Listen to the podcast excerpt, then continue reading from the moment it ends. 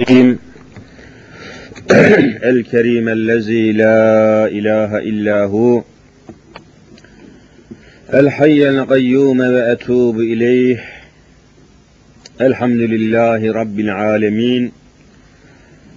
والصلاة والسلام على رسولنا محمد وعلى آله وصحبه أجمعين. أعوذ بالله من الشيطان الرجيم. بسم الله الرحمن الرحيم. رب اشرح لي صدري ويسر لي أمري. واحلل عقدة من لساني يفقه قولي. آمين. بحرمة سيد المرسلين. أما بعد فإن أصدق الحديث كتاب الله وأصدق الهدي هدي محمد صلى الله عليه وسلم. وشر الأمور محتساتها كل بدعة ضلالة وكل ضلالة في النار صدق رسول الله ونطق حبيب الله Muhterem müminler, Ramazan-ı Şerif'in göz açıp kapa kapayıncaya kadar üçte biri hemen hemen geçmek üzere hızla, süratle ilerlemektedir. İnşaallahu Teala bu mübarek ayın bereketinden, feyzinden, rahmetinden, Rabbimizin bol, sınırsız nimetlerinden istifade etmenin tedbirlerinde inşallah kusurumuz kusursuz hareket etmeye de çalışma gayreti içinde olmamız lazım. Geçen her dakika eğer değerlendirebilmiş değilsek birer ziyan, birer zarar olarak görülmesi lazım. Allahu Teala her zaman dediğimiz gibi bu mübarek ayı, günlerimizi ve gecelerimizi alemi İslam'ın felahına, salahına, necatına, kurtuluşuna vesile eylesin inşallah. Bugünkü dersimizde de yine Sure-i Bakare'de 185 numaralı ayeti ilahiyede takdim edilen Ramazan-ı Şerif'in izzetini, şerefini ve ehemmiyetini ifade eden bir ayeti kerime üzerinde ezan-ı Muhammediye kadar sohbetimizi, dersimizi bu ayet etrafında yapmaya çalışalım. Rabbimiz Hazreti Allah Celle Celaluhu buyuruyor ki Şehru Ramazanellezi unzile fihil Kur'an. Şehru Ramazan Ramazan ayı. Tam Türkçesi Ramazan zaten özel isim, ismi has, hususi Ramazan-ı Şerif'e verilen isim. Şehir de ay demek. Şehir. Şehir kelimesi Türkçemizde insanların kalabalık çarşı, pazar halinde yaşadığı yerleşim yerlerine diyorlar. Şehir. Hani köy, kasaba, şehir. Lakin esas kelime Arapçadır şöhret kelimesinden geliyor. Şöhret demek açığa çıkmak, tanınmak, bilinmek hani şöhret. Teşhir kelimesi de buradan geliyor. Teşhir açığa koymak. Herkesin görmesine, görebilmesine göre bir şeyi ayarlamak, düzenlemek teşhir. Hani bazı firmalar ürettikleri malları bazı yerlerde mesela vitrinlerde yahut fuarlarda sergiliyorlar. Herkes gelsin, görsün, baksın, alsın diye. Bunlara ne deniyor? Teşhir salonları. Teşhir yani açığa koymak, herkesin görmesine, görebilmesine uygun şekle getirmek. İslam'da da hilal göründüğü zaman, hilal açığa çıktığı zaman o ay meydana geldiği için şehir kelimesiyle ay kelimesiyle eş mana olarak kabul edilmiş. Şehri Recep yahut şehri Şaban, şehri Ramazan, şehri Şevval hepsi işte Ramazan ayı, Recep ayı bu şehir kelimesi de bu mübarek isimlere bitişerek ay manasına geliyor. Açığa çıktığı için, hilal göründüğü için, belli olduğu için bu isim ay anlamında kullanılmış. Şehru Ramazan da işte mübarek Ramazan ayı. Ramazana mahsus zamanın bazen bildiğiniz gibi 29 gün çeker, bazen de 30 gün çeker. 31 olduğu görülmemiştir. Kameri aylar ya 29'dur ya da 30'dur. 30'u aşmaz. 29'dan da aşağı düşmez. Bu mübarek ayı Rabbimiz özel olarak takdim ediyor. Şehru Ramazan. Ellezi öyle bir ay ki öyle ehemmiyetli, öyle önemli, kıymetli, değerli, şerefli, zinetli, nimetli, bereketli, feyizli bir ay ki bu bereketini, feyzini, şerefini, izzetini, lezzetini, özelliğini, güzelliğini nereden alıyor acaba? Nereden alıyor diye soracağınız olursa ayetin hemen devamı bu cevabı veriyor. Ünzile fihil Kur'an. Ramazanın içinde Kur'an-ı Kerim yeryüzüne indirilmeye başladı. Demek ki açıkça bu ayet-i kerimeden anlıyoruz ki Ramazanın bütün özelliği, Ramazan ayının, Ramazan-ı Şerif'in bütün şerefi, bütün feyzi, bütün bereketi, bütün hakikati tamamen Kur'an'a bağlı. Eğer Ramazan ayında Kur'an nazil olmasaydı Ramazan'ın bir santim kıymeti olmayacaktı. Yani Ramazan-ı Şerif'i Rabbimiz Kur'an'ın indirilişine, Kur'an'ın inzaline, Kur'an'ın arştan arza nüzulüne, inişine bir zaman haline getirmiş. Zarf haline getirmiş. Nasıl ki sizin adresinize bir zarf postacı tarafından bir zarf gelmiştir, zarfı açıyorsunuz, içinden mektup çıkıyor. Eğer o mektup olmasaydı zarf olmayacaktı. Zarfın bütün hikmeti, sebebi, hakikati içindeki mektuba göredir. Mektup olmasa zarf olmaz. Hiç kimseye sade kuru bir zarf gelmez. İlla içinde bir emanet vardır, mektup vardır, kart postal vardır, özel bir yazı vardır. Zarfın içinden bir şey çıkar. Allahu Teala da Ramazan-ı Şerif'i aynen arş-ı aladan arza sadece Müslümanlara postaladığı, Müslümanlara gönderdiği bir zarf gibi telakki ediyor. Zarfı açıyoruz, içinden Hazreti Kur'an çıkıyor. Kur'an çıkıyor. Ve iş burada anlaşılıyor. Kur'an'a dayanıyor. Fakat ne yazık ki Ramazan zarfının içinden çıkan Kur'an'ı hakkıyla okuyabildiğimizi, okuduğumuz Kur'an'ı anlayabildiğimizi, okuduğumuz Kur'an'ı hayatımıza tatbik edebildiğimizi rahatlıkla söyleyemeyiz. Ne yazık yani düşünün bizi çok seven, bizi çok seven bir dostumuzdan mektup geliyor.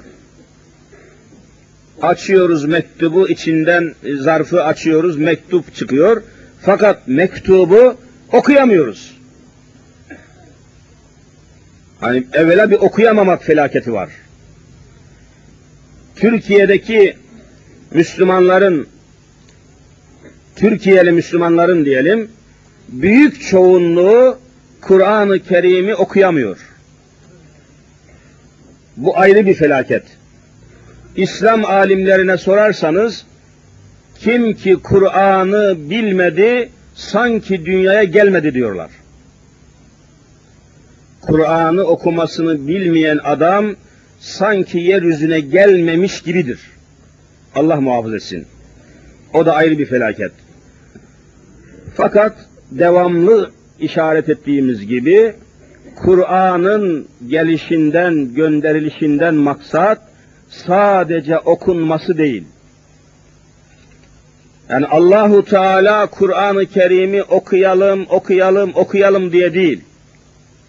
Okuyalım ama içinde belirtilen Rabbimizin emrettiği, hükmettiği ayetleri, hükümleri, emirleri, yasakları yaşadığımız ülkede, bölgede, şehirde, köyde, kasabada, devlette, idarede tatbik edelim diye göndermiştir. Bunu şu misalle açıklayayım. İnşallah aklınızda tutabilirseniz faydası olacak. Mesela Almanya'daki işçi kardeşlerimizden çok sevdiğimiz akrabamız, yakınımız, dostumuz, ahbabımız olabilir. Bir kardeşimiz bize bir mektup gönderse.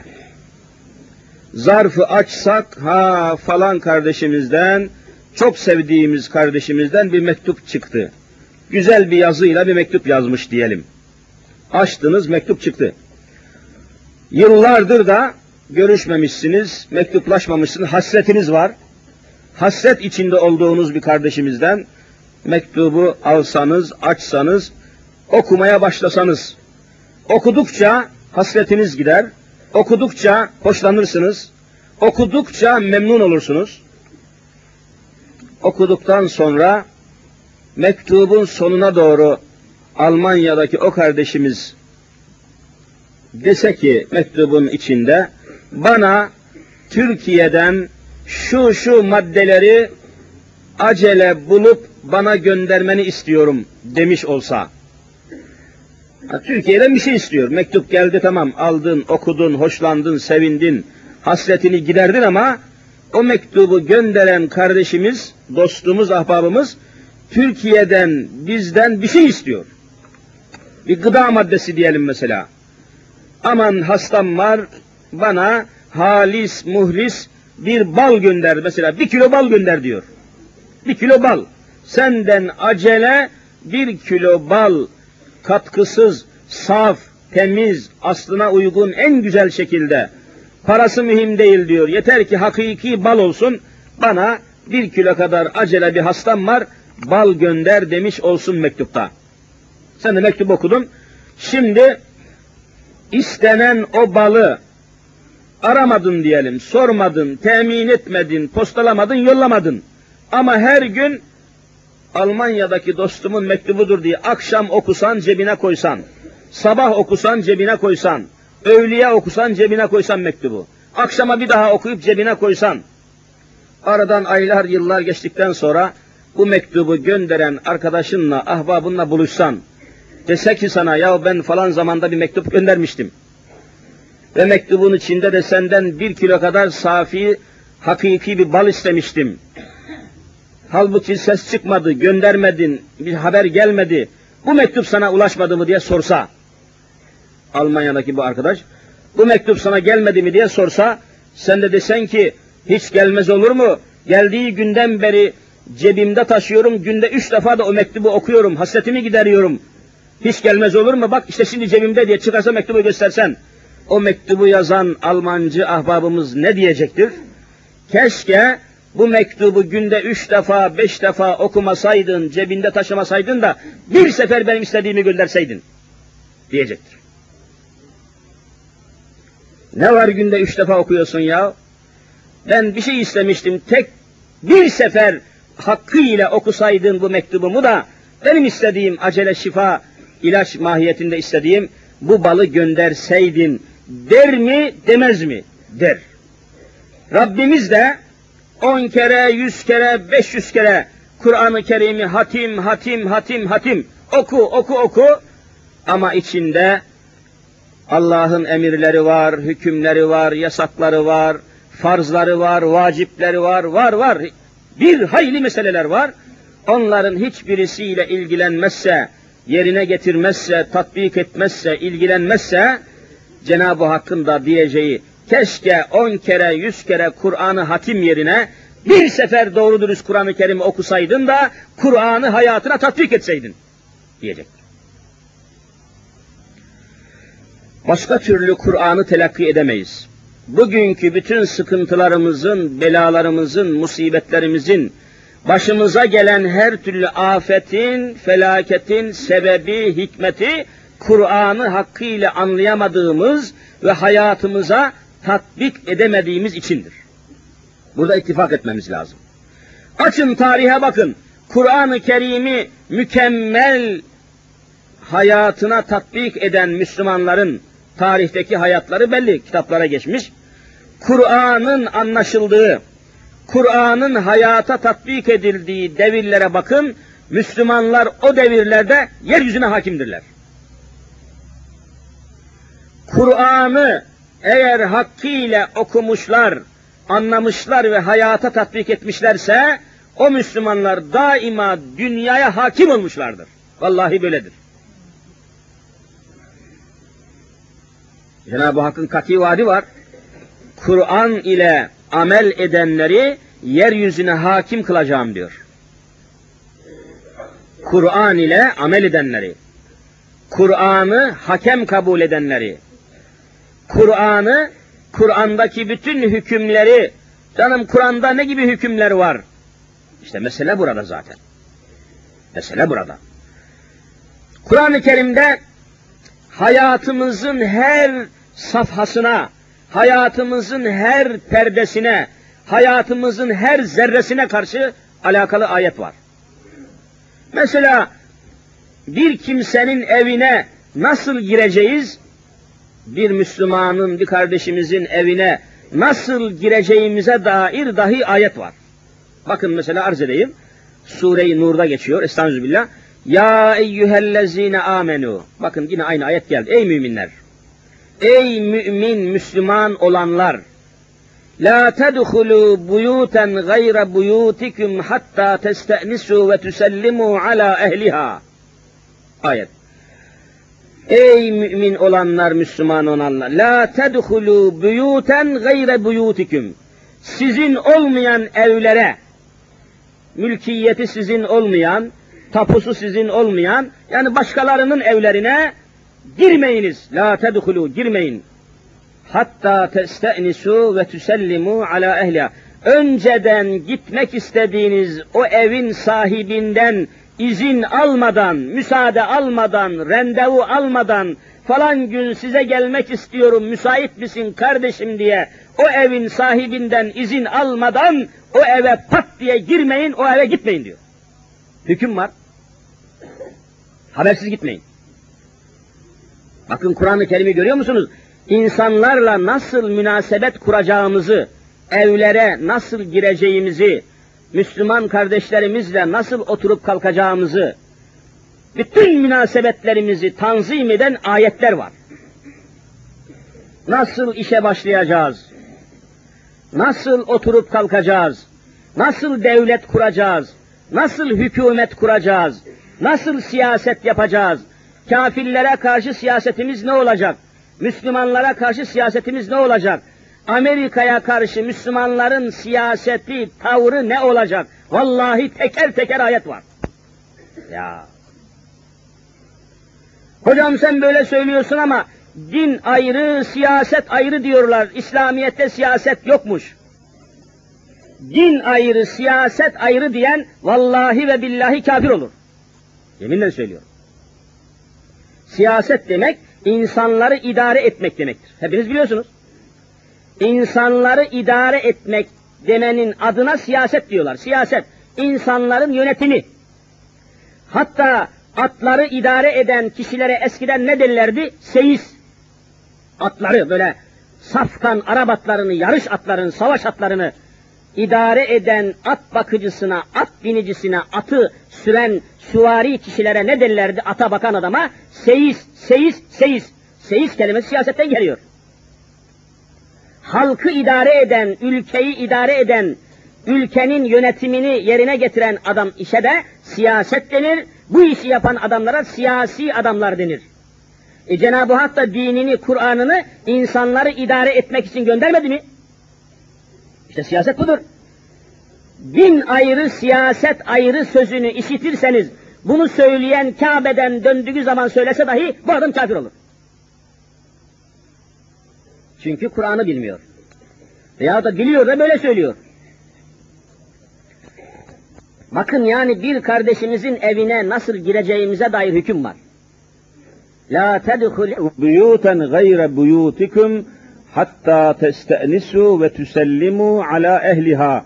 O eve gitmeden evvel o evin sahibinden izin alacaksınız ve eve gittiğiniz zaman da Esselamu Aleyküm diye selam vereceksiniz. Selam vermeden girmeyi Rabbimiz yasaklıyor. Hüküm koyuyor. Hani din işleri ayrı, dünya işleri ayrıydı. Yani Kur'an sadece camiye girip çıkmayı mı anlatıyor bize?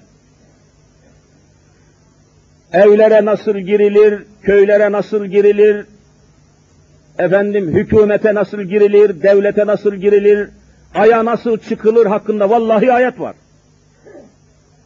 Merih gezegenine nasıl gidilir, göklere nasıl çıkılır, yerin dibine nasıl inilir, madenler nasıl işletilir, maden, vallahi ayet var. Bir hayli mesele. E, Kur'an-ı Kerim'i bilmeyince biz zannediyoruz ki Kur'an-ı Kerim sadece namaz hocası. Kur'an sadece bize namazı anlatıyor zannediyoruz. Değil.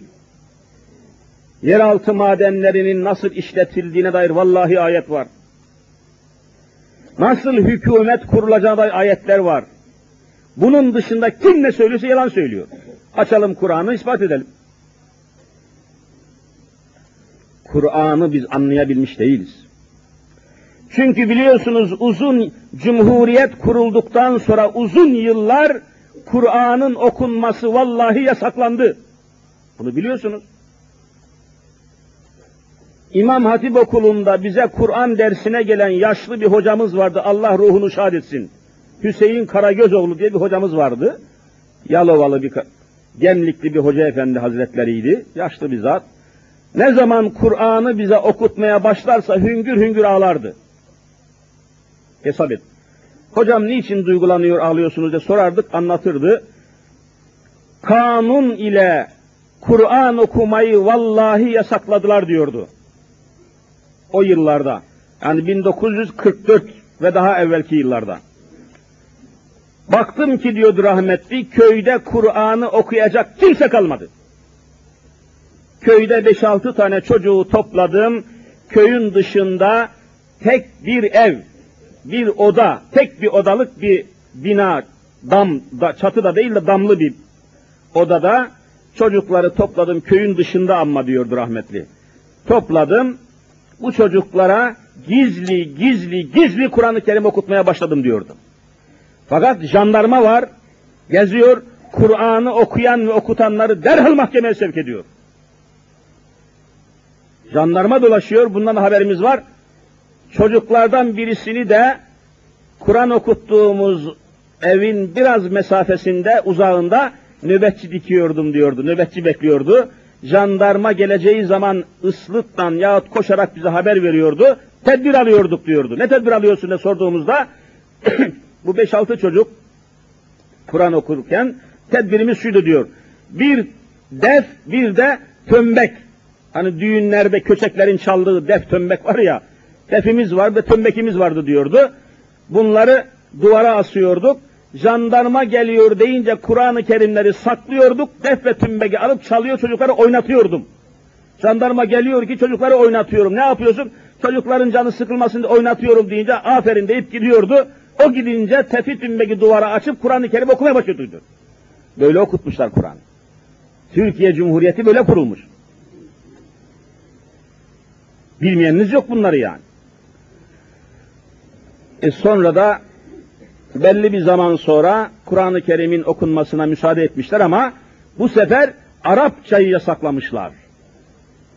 Arapça şiddetle yasak. Arapça okutmak, Kur'an'ın manasını tabi Arapçayı bilmeyen Kur'an'ın manasını nereden bilecek? Çünkü Kur'an-ı Kerim Arapçadır.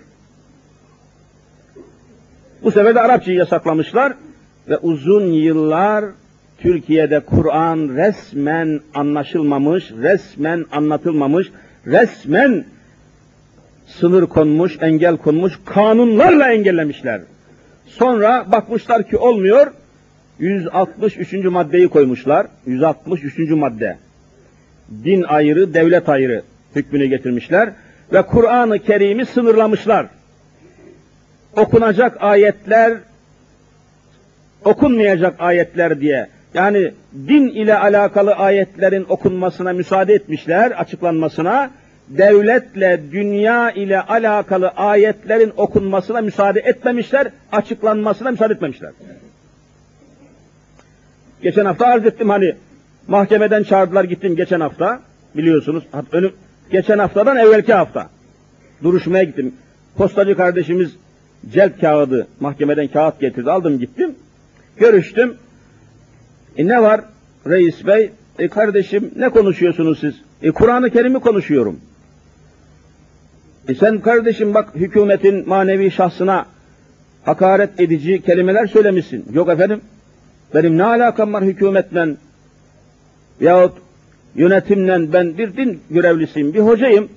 Ama okuduğum ayet-i kerimeler oralara kadar uzanıyorsa, temas ediyorsa ben ne yapayım?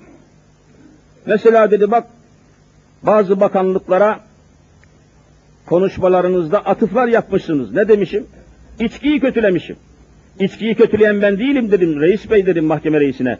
İçkiyi lanetleyen, içkiyi kötüleyen Hazreti Allah'tır. Ayet var. İnnemel hamru vel meysru vel ensabu vel ezlamu ricsun min ameli şeytan diyor Rabbimiz. Yani içki şeytanın pisliğidir diyor. Alimlerimiz diyor ki hakarete bakın. Cenab-ı Hakk'ın içkiye hakaretine bakın. Hakaret etmiş Rabbimiz içkiye ne diyor? Şeytanın pisliği diyor. Domuzun pisliği sözünden daha ağır. Çünkü domuz günahsız bir hayvandır. Sorumsuz bir hayvandır. Yani domuz bir hayvandır. Domuzun içki içen bir adam domuzun idrarını mı içse daha hafiftir, içki mi içse domuzun idrarını içse daha hafiftir diyor alimler. Çünkü Allah içkiye şeytanın pisliğidir diyor. Şeytan rahmetten kovulmuştur. Cennetten kovulmuştur.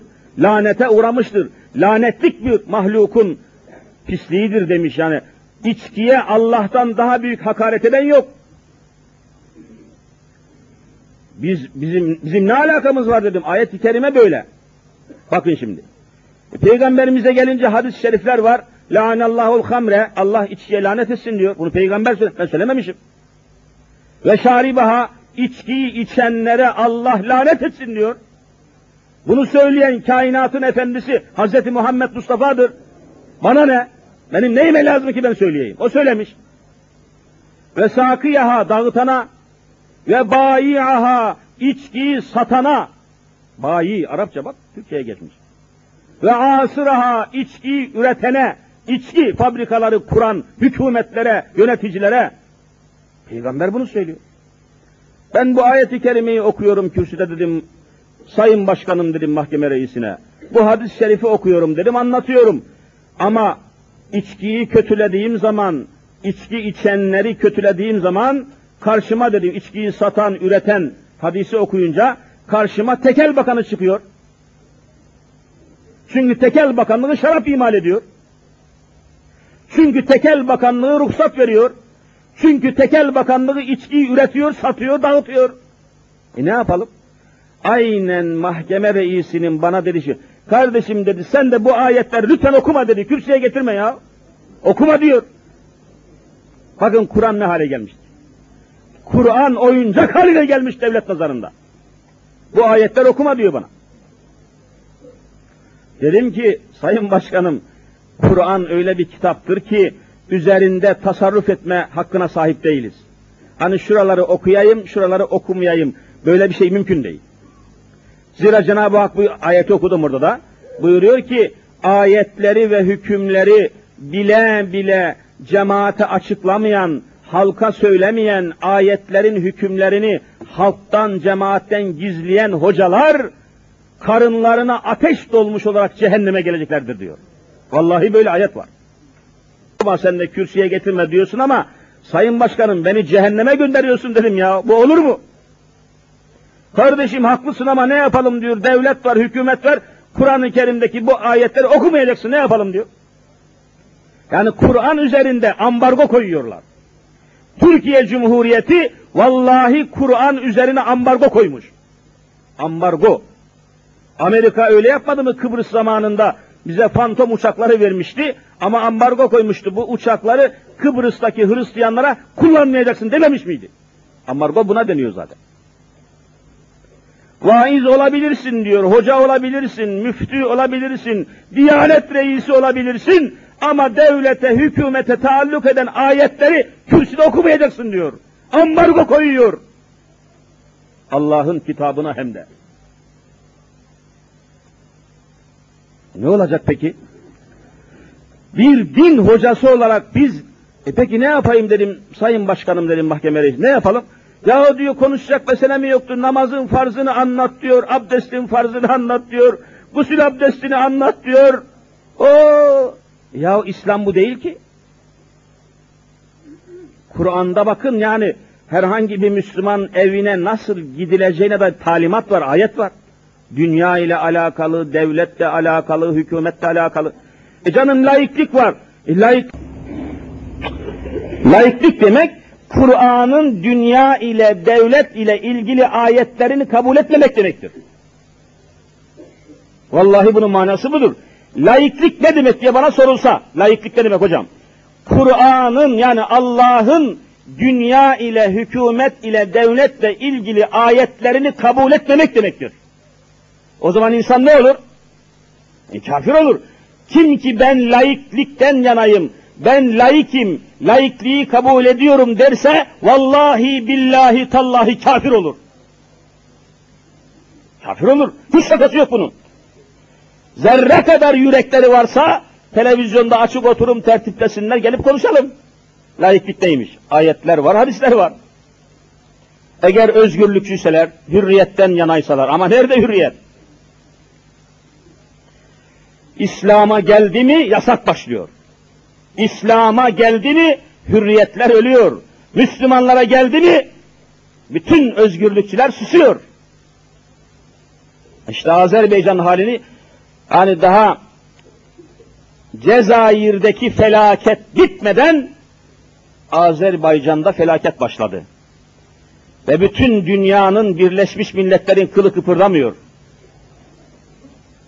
İnsan Hakları Komisyonu üyelerimiz daha dün döndüler Azerbaycan'dan milletvekili arkadaşlarımız. Vallahi diyorlar, birisiyle telefondan görüştüm, diyor ki kafası parçalanmamış tek çocuk cesedi yok, hepsi parçalanmış diyor. Karnı yarılmamış hamile kadın kalmamış, hepsini parçalamışlar. Karabağ'da. Daha sabahleyin bana anlattı milletvekili arkadaş. Ama görüyorsunuz ki dünya kafirlerinin Hristiyan kafirlerinin, Yahudi kafirlerinin, kafir Birleşmiş Milletlerinin kılı bile kıpırdamıyor. Müslümanlara gelince özgürlük yok. Müslümanlara gelince insan hakları yok. Müslümanlara gelince demokrasi yok. Cezayir'deki Müslümanların suçu neydi? Seçim yapmaktı. Adamlar seçim yaptılar ve seçimi kazan. Yok. Demokrasi Amerika'nın dediği gibi olacak. Fransa'nın, İngiltere'nin istediği gibi olursa demokrasi oluyor, olmasa olmuyor. Sizi kafirler sizi.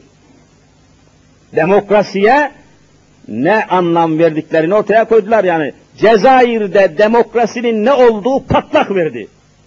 Yakayele verdiler.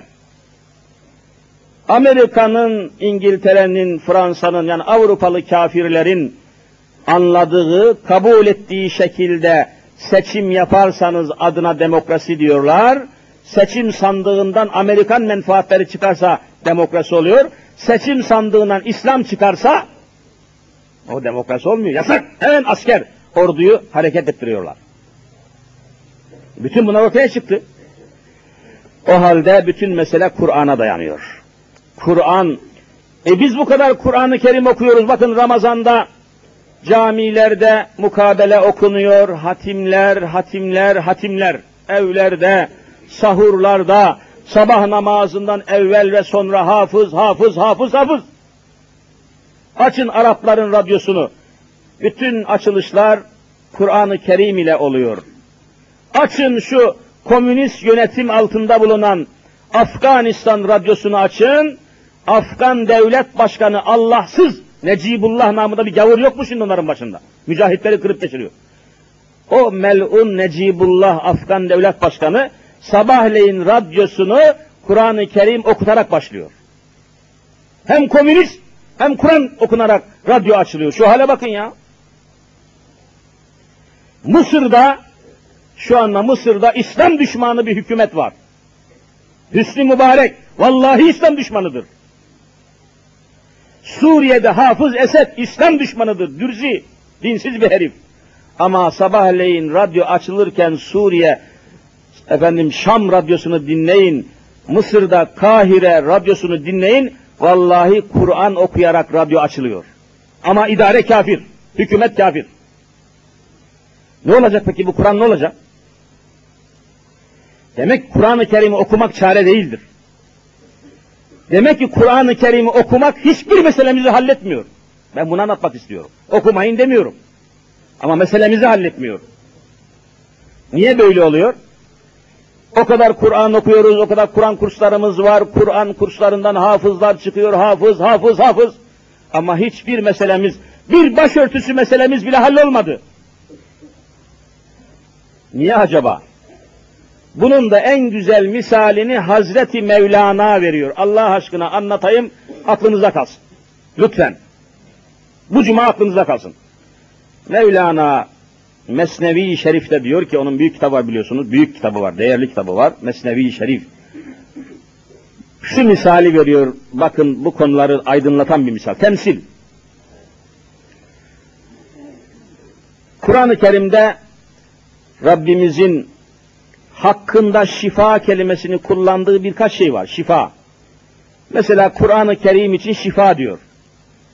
Ve nunezzilu minel Kur'ani ma huve şifa'u ve rahmetun lil müminin. Ayet. Ve nunezzilu minel Kur'an biz Kur'an'ı indirmişiz. Hüve şifaun o şifadır. Kur'an-ı Kerim şifa. Ne demek şifa? Müslümanların dertlerine, maddi ve manevi bütün meselelerine çözümdür demektir. Ekonomik problemlere karşı Kur'an-ı Kerim çözümdür. Siyasi problemlere karşı çözümdür. Askeri problemlere karşı çözümdür. Her meseleye karşı Kur'an-ı Kerim çözümdür. Şifa çözüm demek. Hastalığı çözüyor. Ve rahmetun lil müminin. Müminlere Kur'an rahmettir diyor. Ama bizim hayatımız hep zulüm altında, felaket altında. Hem Kur'an-ı Kerim okuyoruz hem de zulüm altında yaşıyoruz. Hem Kur'an-ı Kerim okuyoruz hem de faiz alıp yiyoruz. Hem Kur'an-ı Kerim okuyoruz hem de türlü zulümler altında inliyoruz. Hani Rabbimiz Kur'an-ı Kerim rahmettir diyordu. Nerede bu rahmet?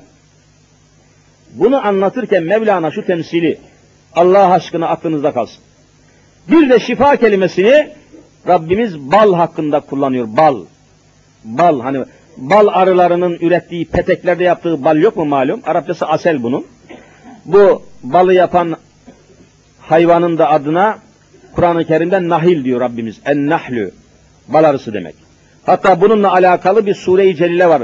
114 sureden birisinin adı da Bal Arısı suresi. Suretün Nahil. Bal arısını Rabbimiz bir surenin ismini ismi yapmış. Ve bal hakkında diyor ki fihi şifaun linnaz. Balda insanlar için şifa vardır balda. Tabii ki hakiki bal tabii. Katıksız olacak. Bunu anlatırken Mevlana şu misali, şu temsili, şu teşbihi arz ediyor. Ben de oradan naklediyorum size.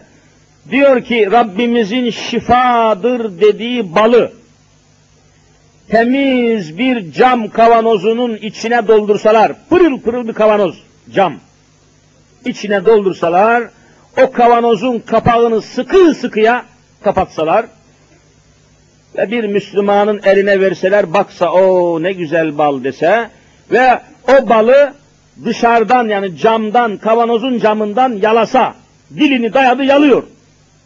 Camdan yalıyor ama. O balı dışarıdan, kavanozdan, camdan yalasa, yalasa, yalasa, saatlerce yalasa, o bal o kişiye şifa olur mu olmaz mı diyor. Olur mu efendiler? Olmaz. Çünkü bala ulaşamadı. Arada cam var. Balı alam, alamadı bünyesine. Yalıyor, dışarıdan yalıyor. İçine giremedi. O balın o kişiye şifa olması için kapağı açması lazım diyor Mevlana. Kavanozun kapağını açacak, şehadet parmağını kavanozun içine sokacak, böyle daldıracak, bir parmak bal alıp ağzına götürüp yiyecek. Onu bünyesine alacak, vücuduna alacak, üzerinde o balı tatbik edecek. O zaman şifa olur mu olmaz mı? Olur. Aynen bunun gibidir diyor. Bir adam yüz sene Kur'an-ı Kerim'i yüzünden veya ezbere okusa da içini açıp bunun hükmü nedir? Bu ayetler Allah bizden ne istiyor? Hangi ayet hangi hükmü getirmiş? Hangi ayet hangi şeyi yasaklamış? Bunları hayatına tatbik etmezse yüz sene Kur'an okusa cehennemden çıkmaz diyor. Hiçbir şey düzelmez.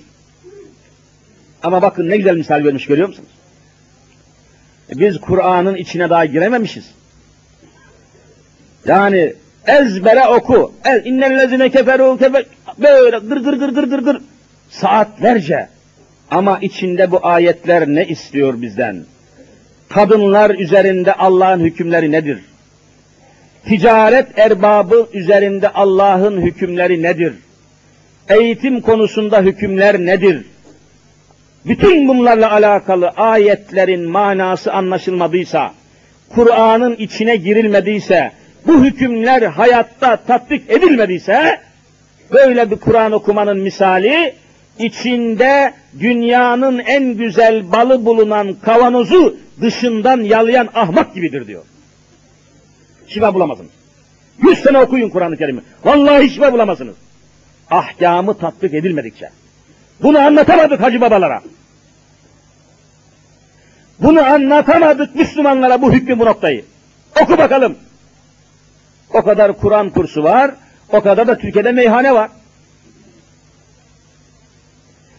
Hatta geçen cuma söyledim, dünya devletlerin içerisinde vallahi Türkiye içki tüketiminde üçüncü geliyor. Dünyada en çok içki içen devletlerin üçüncüsüyüz. Hani Kur'an-ı Kerim okunuyordu Türkiye'de? Hafızlar. Tut ki Kur'an-ı Kerim okumak da bugün artık daha başka istismarlara, daha başka çirkin şeylere alet ediliyor. Size haber vereyim, fırsat bulursanız gidin görün. Eyüp Sultan'da Halid bin Eba Eyyub el Ensari radıyallahu teala anhül bari, büyük sahabi malum, anlatmaya gerek yok. Şeref tacımız, şeref misafirimiz Hazreti Eba Eyyub el Ensari, Eyüp Sultan dediğimiz zat. Orada şimdi Ramazan'da gidin akşama ikindiye veya ikindiden sonra gidin göreceksiniz. Korkunç Kur'an ile Kur'an'ın okunması, Kur'an'ın hatmiyle alakalı türlü istismarlarla resmen karşı karşıya geleceksiniz. Ben bizzat görmüşüm. Adam orada ne yapıyor biliyor musunuz? O türbenin önünde yuvarlak bir mezarlık daha var. Onun etrafında böyle ayak üstünde bazı adamlar var, simsallar var. Simsar! Resmen ne diyor biliyor musunuz? Artık sene içinde Kur'an-ı Kerim'i okuyup okumadığını Allah bilir. Kimse bilemez. Güya 10 tane, 20 tane, 30 tane hatim okumuş sene içerisinde. Ramazan'da gelmiş satıyor. Ve bunu yaparken de diyor ki efendim okunmuş hatim var, konserve hatim var, konserve hatim var. İsteyene hatim, isteyene hatim. Hatim satıyor. Birinin yanına durdum bekledim. Bekledim ulan bu adam ne yapacak? Birisi gel dedi ki ben dedi vefat etmiş olan dedi babamın ruhu için dedi bir hatim dedi rica ediyorum dedi. Ne vereceğiz? Tam 200 bin lira para ödedi bir hatim için.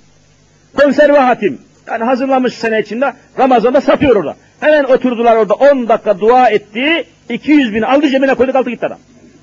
Vallahi satıyorlar Kur'an-ı Kerim. Bakın ne hale gelmiştir. Okunmuş Yasin var diye adam bağırıyor. Yasin satıyor. 50 bin lira bir Yasin. Hemen 5 dakikada okuduğumuz Sure-i Yasin'den hasıl olan ecr mesubatı evvelen bizzat peygamberimizin ruhuna hemen be, simsar bir dua yapıyor. 50 bin lira. Okunmuş Yasin satıyor. Okunmuş hatim satıyor. Konserve hatim satıyor. Bu adamlar din düşmanları.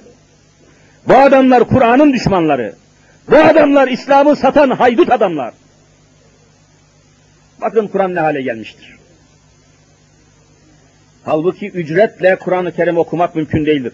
Bir adam gitse bir hafıza dese ki babamın, dedemin, ceddimin ruhu için bir Kur'an okuya, okumak, hatim istiyorum dese, bana bir hatim okur musun Hafız Efendi dese, O da okurum ama 100 bin lira, 200 bin lira neyse 500 bin lira para vereceksin diyerek ücret belirse, ben hatim okurum ama 200 bin liranı alırım kardeşim dese, o Müslüman da kabul etse, tamam kardeşim oku ve paranı al dese, okutan da cehennemliktir, okuyan da cehennemliktir, ruhuna Kur'an okunan ölü de cehennemliktir. Vallahi böyledir. Felakettir yani. Ama hediye olarak hiçbir şey ücret söylemeden, karşılık beklemeden, bir şey konuşmadan, pazarlık etmeden, isterse bir Mercedes bile hediye edebilirsin. O ayrı bir dava. Bakın Kur'an-ı Kerim ne hale gelmiştir. Ne hale getirilmiştir.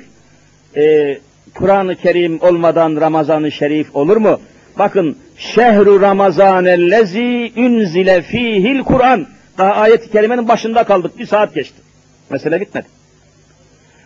Ramazan öyle bir aydır ki diyor Hazreti Allah, ünzile fihil Kur'an. Ramazan ayında Kur'an-ı Kerim nazil olmuştur. Eğer Kur'an gelmeseydi Ramazan'ın hiçbir kıymet olmayacaktı. Kur'an'ın bereketine biz oruçluyuz.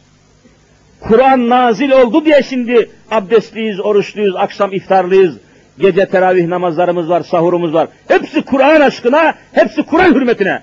Kur'an olmasaydı Ramazan ne olurdu ki? Ama Kur'an'ın da sadece görüyorsunuz Türkiye'de adı var, okunması var ama tatbikatı yok. Din ayrı, devlet ayrı demişler. Din ayrı, devlet ayrı, din ayrı, hükümet ayrı, din ayrı, dünya ayrı. Laiklik gelmiş, Kur'an-ı Kerim gitmiştir.